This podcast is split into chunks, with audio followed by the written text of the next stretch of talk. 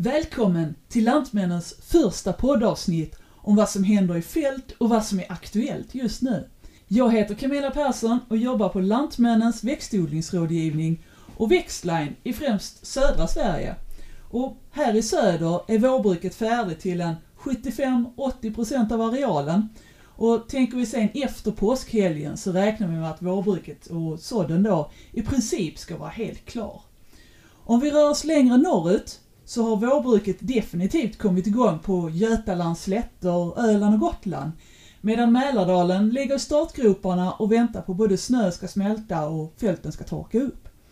I Norrbotten ligger fortfarande snötäcket djupt, men där går det också snabbt från vinter till högsommarvärme. Händer i fältpodden kommer ha lite olika gäster från olika delar av vårt land. Och nu, på första avsnittet, så har jag med mig Mika Törner som är produktchef för växtskydd och Wilhelm Linde som är produktchef för utsäde på oljeväxter och majs samt affärskoordinator i växtskyddsaffären. Ville, vad, vad gör man då som produktchef? Ja, i mitt fall då som produktchef för utsäde för oljeväxter och majs så är det att just i dagsläget avsluta vårutsädesförsäljningen, se till så att allting hamnar ute hos kund och även planera inför höstens höstrapsförsäljning, inklusive portfölj och tryckerier såsom inför höstsådd och så vidare. Kommer alla få det utsädet som, eh, som man vill ha nu för att så sin areal? Jag skulle säga att tillgången på höstutsäde är god, absolut. Sen har vi ju god tillgång på föregående års skörd, så att säga, som kommer att användas som utsäde i år. Men eh, med vissa undantag för nya rapssorter som kommer att skördas i år. Och där kan leveransen bli något framskjuten, men jag skulle generellt säga att tillgången är väldigt god, ja. Och eh, Micke, om vi nu ser eh, marknadsläget nu, om vi tänker framåt här. Hur, hur ser det ut med, med produkter på, på växtskyddsmarknaden? Är, är det kärvt läge? Ska vi ta hem redan nu inför höstens användning? Jag tycker eh, absolut det är bra att se, se över sitt behov så att säga i, god tid, vilket eh, vi ser att många lantbrukare har gjort i år. Och mycket är väl drivet också vad som händer på gödselmarknaden och så vidare.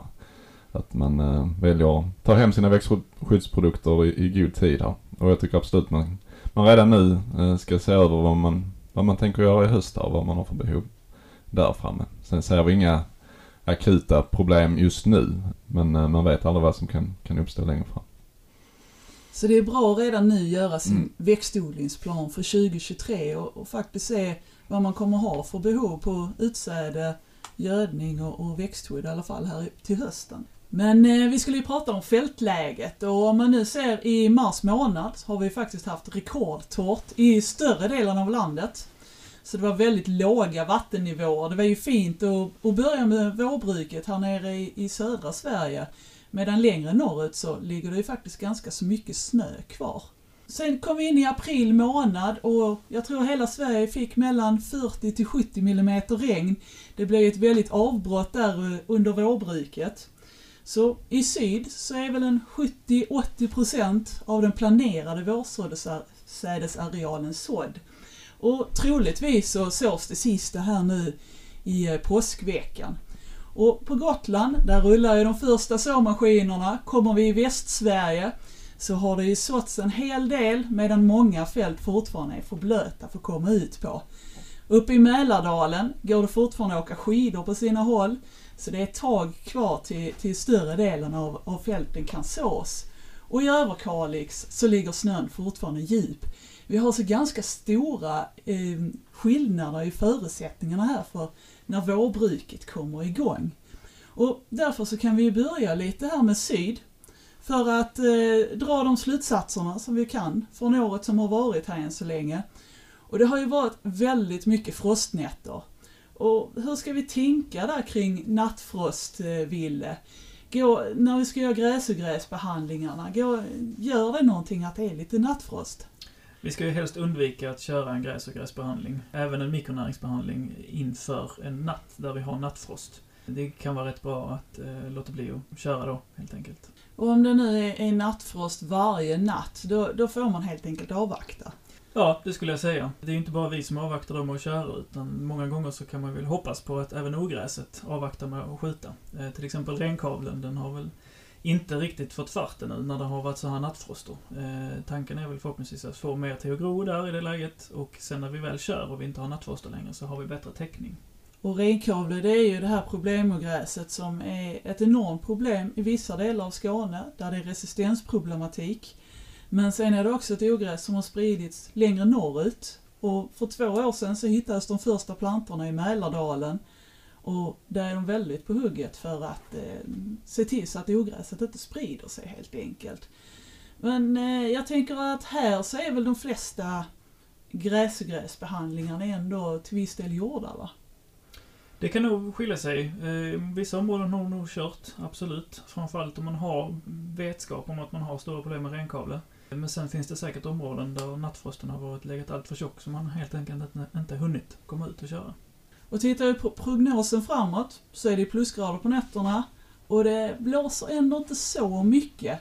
Hur ska man tänka kring doser nu mot, renkavle? Ja, men till exempel i höstvete så är det ju en eh, vanlig dos att man kör Avoxa till exempel. Och då kör man ju 1,65 liter per hektar.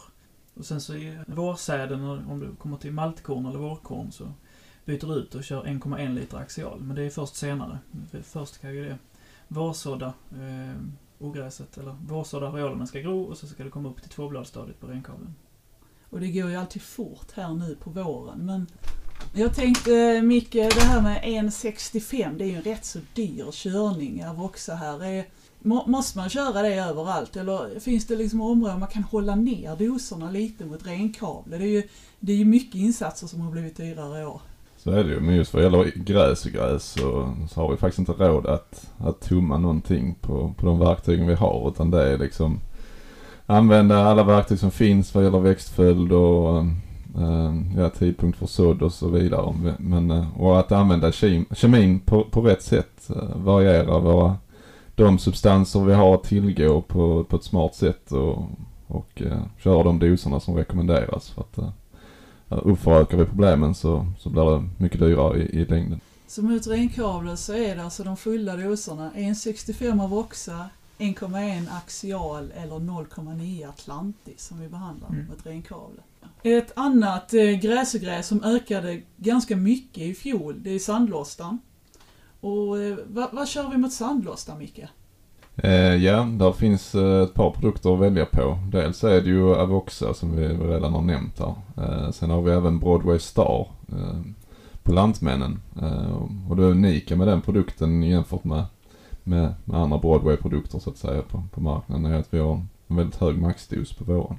Vilket ibland så kan behövas om man har stora bekymmer med, med losta. Och maxdosen den är, vad kommer vi upp i där? 265 gram har vi registrerat på Broadway Star. Eh, jämfört med 220 på, på den vanliga så att säga. Just det, och då mm. har vi alltså, då får vi ut ytterligare lite aktiv substans. Och mm. även om, om eh, dosen på 210 gram får en trea i effekttabellen så kanske vi kan komma upp till 3,5 om vi kör fulldos. Mm. Och det innebär ju då, alltså en trea det är ju 90% effekt. Och det anser man ju ofta är tillräckligt. Men när vi kommer till de här gräsogräsen i enorm mängd så vill man ju högre upp än de här 90 procenten. Mm. Ja men fint, så så fort det är frostfritt på nätterna så har man möjlighet att trycka till eh, gräsogräsen och det, jag skulle säga att man ska prioritera det nästan framför sådden faktiskt. Absolut. Alltså gräsgräsen har blivit ett ökande problem och det, det, det kostar skörd alltså. Det, det är långt mycket viktigare att behandla det i höstgrödorna jämfört med att komma ut med såmaskinen. Så Timingen är helt avgörande. Ja men då har vi prio 1 mm. och prio 2. Om vi ser vad kan det mer vara för, för ogräs ute i fält nu som kan, kan bli stora problem här? Ja det är, det är ett väldigt bra läge nu att gå ut i fält också nu efter vintern och göra en utvärdering hur, hur höstbehandlingen har tagit här. Och, um, titta liksom om, om där är gräs och gräs kvar, um, man får komplettera på det eller har man en del jordar har mycket blåklint till exempel och de växer sig snabbt stora här också så att eh, de kan också kräva en relativt tidig behandling. Så att, eh, det är väl ett bra läge nu att komma ut i fält helt enkelt. Och om det nu är mycket blåklint, det är ju ändå eh, ofta man ser en del fält som är helt blåa till, till midsommar och det är ju kul för allmänheten som ska ut och plocka blommor men för lantbrukarna är det inte alltid lika roligt. Vad, vad gör man med stora blåklintsproblem? Dels så, så har vi fått ett nytt verktyg nu på, på hösten och beroende på om man har använt det eller inte, en Harmateno Duo, så har man säkert kunnat hålla tillbaka blåklinten en del. Ehm, problemet är ju ofta att de blir alldeles för stora innan man kommer ut och, och behandlar dem på våren. Men det är, ehm, det är att komma ut tidigt eh, på dem. Men det finns ju flera olika produkter som kan hantera blåklint men eh, återigen så är det tajmingen här som är, är viktigt. De får inte börja sträcka på sig. Så sträckt blåklint, då, då får vi höja doserna ordentligt och kanske till och med komma tillbaka en gång ihop med svampkörningen för att verkligen göra någonting åt det här blåklintsproblemet. Men eh, vi ser ju att eh, tillväxten är igång i fält här nere i syd. Rapsen, den har ju, där syns ju knopparna tydligt. Vi är i stadie 51, 52 någonting. Och vill, du har ju varit ute och kollat olika sorter. Hur ser det ut? Är det någon skillnad på sorterna? Det har ju varit lite snö ändå, men... Ja, men precis. Här i syd så skulle man väl kanske kunna säga att skillnaden är mindre på de olika sorterna än uppe i Mellansverige. Här i syd så har vi ganska många fält som har varit gröna under hela vintern, som har klarat sig rätt så fint. Vi har lite eh, frostskador här och var eftersom att vi kanske inte har haft det här snötäcket. Men jag skulle väl ändå säga att rapsen ser väldigt bra ut i år, hittills. Är det någon ny spännande sort nu inför hösten? Ja men det gör det. Det finns verkligen eh, två, framförallt två nya sorter som är nyheter här inför hösten. Som har visat väldigt goda avkastningar, både i femårsgenomsnittet och i det senaste försöket 2021. Även i, både i syd, område A till B och D till F uppe i Mellansverige. Den sorten som har presterat bäst här i syd heter Darling. Den hade ett relativtal på 100, över 120 här i syd 2021 och ligger även bra till i femårsgenomsnittet. Och tittar vi längre upp i Sverige, område D till F, så har vi en sort som heter DKX Pat som har visat jättefina vinterhärdigheter. Avkastat riktigt bra även där. Så det är två nya spännande sorter här att, att kika på nu egentligen. Ja. Under, under året och det kommer ju, de finns på Borgby fältdagar. Eh, det, en av dem finns där, jajamän, tyvärr inte den andra. Och det finns ju andra möjligheter också att vara ute kika här på sorterna. Men om vi håller oss kvar här vid höstraps. Eh, 51, 52, då kan vi inte längre köra Corvette om man har eh, Baldersbrå kvar i fält. Hur, hur hanterar vi det? Ja, har vi Baldersbrå kvar i fält nu så är det kanon att köra Matrigon. Dock, att tillägga, så bör vi ha temperaturkravet med oss på minst 12 till 15 grader. Just det, och där är vi inte riktigt än, men det skulle ju kunna bli det. Det är ju innan blomning vi måste köra. Ja, det stämmer. Så det är ju väldigt bra att ha produkt hemma för det, det kan ju röra sig om timmar som det är rätt läge att köra Matrigan. Precis, precis. Det är den här tajmingen som du var inne på här innan Micke. Ja precis, fönstret är inte jättestort för Matrigon. Och det är också viktigt att tänka på så man har natttemperaturerna med sig. För det gäller inte bara att det är dagstemperaturen som är rätt utan att vi har någorlunda jämn dygnstemperatur också. Det hjälper inte att det bara är 2-3 plusgrader på natten. Utan där måste också komma upp i temperatur för att vi ska få riktigt bra effekt. Och alltså raps det har ju en fantastisk lönsamhetskalkyl just nu om man prissäkrar raps idag. Och jag skulle säga att den är väl inte jättedålig även om man prissäkrar sin raps i oktober månad. Men om man nu vill satsa lite extra på sin raps och kanske få ut några hundra kilo till som man kan sälja till de priserna som vi har nu. Vad finns det då för möjlighet, Wille? Ja men här och nu i vår så har vi möjligheten att eh, om vi inte har stråförkortat i höstas, eller om vi har stråförkortat i höstas, så kan vi köra Carex en gång till. Vi har en maxdos där på 1,4 liter per växtodlingssäsong. Så har vi då kört 0,7 i höstas, så kan man följa upp och köra 0,7 liter per hektar nu. Tillsammans med det så kan vi blanda i lite Stimplex, som är vår nyhet i eh, biostimulantsegmentet. Vänta nu, har vi haft det segmentet tidigare? Nej, det är helt nytt. Vi har introducerat ett biostimulant, en biostimulantprodukt eh, på Lantmännen som vi har, eh, kommer gå och berätta med. Eh, som heter Stimplex. Och du får gärna berätta mer om den Mikael. Precis, det är som ni säger, vi har aldrig haft det tidigare men vi tycker det är helt rätt tidpunkt att gå in med en sån produkt nu. Och vi, det är ett samarbete med Bioagri som, som finns inom Lantmännen. Eh, samma eh, Eh, företag som har tagit eh, fram termosid till exempel till eh, utsädesbetning. Så att ehm, eh, ett, de är riktigt duktiga på det här och har utvärderat detta och tittat eh, och rekommenderat oss att ta in den här produkten. Och, och vi ser i de försöken som är gjorda att den, det ger en, en, en väldigt positiv effekt eh, på grödan. Och särskilt ett år som i år där vi har har så pass bra rapspriser som vi har så är det ju ett gyllene tillfälle att, eh, att uh, verkligen testa detta. Så vi kan få ut max skörd på varje hektar. Så Stimplex, det är alltså inte bara någonting att lägga på minnet utan att faktiskt prova i år också. Det är rätt år att prova skördehöjande produkter i rapsen. Absolut. Och, det, och detta är egentligen inget, uh, inget nytt utan uh, liknande produkter har ju funnits i, i, i jättemånga år. Alltså, um, men um, vi, vi ser helt tydligt att, att det har en väldigt positiv effekt på grödan liksom. Att, uh, ja, nu med de här priserna så är det helt klart rätt att, att satsa. Och det, det, det, är ju ganska länge sedan det var augusti nu men jag tror ändå att det var en del av er som fick det här tveksamma nöjet att tröska liggraps. Och eh, kanske redan då tog beslutet att till nästa år då är det tillväxtreglerad raps som gäller för att komma undan det här problemet. Och det, det, är ju inte kul att tröska liggraps när man vet hur mycket man mm. får för varje kilo raps och ser det försvinna ut utanför skärbordet. Så utsätt er inte för det här. Och om ni sen planerar att eh, svampbehandla raps, vilket vi definitivt rekommenderar, så är det också lättare om rapsen är något lägre. Så det är den andra fördelen med att köra Carix här nu i vår. Eller om ni redan har varit ute och, och kört. Det är ju längst ner i, i syd så är det definitivt läge att köra nu. Och jag tror väl en bra bit upp i Sverige att det faktiskt är, är körläge för just Karix och raps. Vill, är det någonting mer man ska tänka på här nu när det är, ja det är kanske inte riktigt läge än, men ganska snart ändå att välja vilken sort med höstraps som man ska odla här till hösten?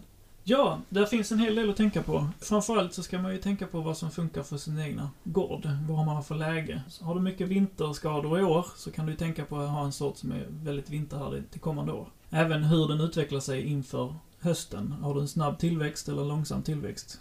Kan du så den tidigt eller sent? Så att sprida ut så tidpunkten kanske något. Och kanske även titta lite grann på hur den sorten mognar så du även kan sprida ut skördetidpunkten. Men annars skulle jag vilja slå ett slag på att kika på oljehalten i år i de officiella försöken. För att en, ett år med detta höga priset som vi har på raps så kan det faktiskt skilja sig med ett par tusen kronor på, per hektar med, mellan sorter som har en hög oljehalt och en låg oljehalt. Beroende på om du lämnar till en leverantör som har oljehaltstillägg eller inte. Har du en sort som har väldigt högt oljehalt och du levererar till en leverantör som har oljehaltstillägg så kan det i netto skilja sig upp till 2000 kronor per hektar. Mot om du har en sort som har lägre oljehalt och du levererar till samma leverantör men inte får ett oljehaltstillägg på grund av att oljehalten i fröet är för lågt. Så det skulle jag verkligen rekommendera att man sätter sig och tittar på. Sen är ju vinterhärdigheten absolut det viktigaste. Hur mycket effort vi än lägger ner inför hösten i eh, sortvalet så är det väldigt tråkigt att se att rapsen inte klarar vintern. Och där skulle jag verkligen vilja slå ett slag för DK Expat som har en helt fantastisk vinterhärdighet och egenskaperna inför vintern är helt eh, väldigt stort steg framåt mot andra sorter. Expat växer ganska långsamt, så den lämpar sig för tidig sådd och den har ett enormt kompakt tillväxtsätt inför hösten, vilket gör att tillväxtpunkten hamnar väldigt långt ner. Och det är därför den har en sån vinterhärdig egenskap. Och det här med vinterhärdighet, jag vet ju att det är en hel del höstrapp som har lidit om vi kommer upp eh, kring Mälardalsområdet. Men är, är det bara att köra upp nu eller när, när ska man döma ut sitt höstrapsfält? Det är ju alltid en svår avvägning. Jag vill sträcka mig till att säga att det är för tidigt att döma ut rapsen i dagsläget. Är det lite grönt kvar så kan det komma. Har du mellan två och fem plantor per kvadratmeter så bör det hålla en bättre kalkyl än om du skulle harva upp det här och så in det med något annat. För den kostnaden är också rätt dyr när du har eh, de här höga bränslekostnaderna. Samtidigt som du har det här höga priset på olje, oljehalten eller rapsfrö i dagsläget ett par plantor per kvadratmeter kan ge ändå en hyfsad kalkyl som är bättre än att så om det till någonting annat. Så även om höstrapsfältet ser ganska tråkigt ut så är det ut med gödningsspridaren och lägga kväve på det? Hittar du en grön fläck så kör, skulle jag säga. Men det är klart att det känns vemodigt att göra det. Men om du nu kör gödning tidigt och ändå kan använda gödningen i någon, någonting som du sår om, så är gödningen inte bortkastade pengar för den sakens skull. Just det, den finns ju kvar där i marken. Då det här med grön fläck, jag skulle till och med våga sträcka mig till att säga att bara det är liv i roten ja. så, så sparar man på rapsen för där ja. kommer nya blad. Ja, och det ser alltid värre ut än vad det är. Så behåll all raps, vad sa vi, fem plantor per kvadratmeter ja. jämnt över fältet. Mm. Det kommer bli glest Men det är fortfarande en eh, ganska fin kalkyl jämfört med att så om det med maltkorn istället. Ja. Men om vi nu eh, återgår till, till spannmålen här. Det börjar komma in rapporter om att eh, rågen börjar komma in i stadie 30, det vill säga tidig stråskjutning. Noderna börjar försiktigt att dela på sig och även tidigt vete som till exempel norin är inte långt ifrån tidig stråskjutning. Och det kan man ju tillväxtreglera och köra psykosel. Vad är fördelarna med det Micke? Ja, tillväxtreglering är någonting vi märker har blivit ett ökat intresse helt klart eh, de senaste åren. Och eh, vi såg inte minst under 2021 att det där fanns goda skäl till att tillväxtreglera grödan med tanke på den kraftiga grödan vi fick under våren där. Och eh, man blir lika överraskad varje, varje år känns det som eh, när man ska gå ut och, och tar beslut om sin psykoselbehandling. För det går ju väldigt fort, särskilt som du säger i råg och, och även i, i norin. Så här gäller det att, att vara på tårna. Och det finns lite, lite olika strategier man kan ta till. Eh, psykosel är ju den som är tidigast ut. Det är senast i, i DC31 där för, för att få effekt. Sen så finns det ju även eh, strategier då med, med till exempel en Trinexa-packprodukt eh, som hos Lantmännen i år heter Quadro. Den eh, kräver något högre temperatur men man kan i gengäld också köra den eh, under en längre tidsperiod. Eh, egentligen under hela stråskjutningen. Och sen finns det också tillgång till en del Medax Max som är en blandning på, på, ett par olika substanser och som den också kan köras vid lite lägre temperaturer och, och få en bra effekt. Men det gäller att hålla koll på stadion och vara ute i fält mycket för det, det går oftast fortare än vad man tror. Och vill man få exakta doser och när man ska köra så kan man ju läsa Växtline-breven eller eh, växtrådsbrev för Mm. de som är i eh, Sörmland och i Mälardalen.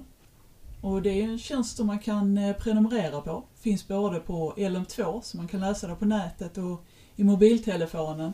Eller att man helt enkelt föredrar det här gamla med att man får ett brev i brevlådan och har möjlighet att läsa rubrikerna i alla fall från brevlådan in till köksbordet.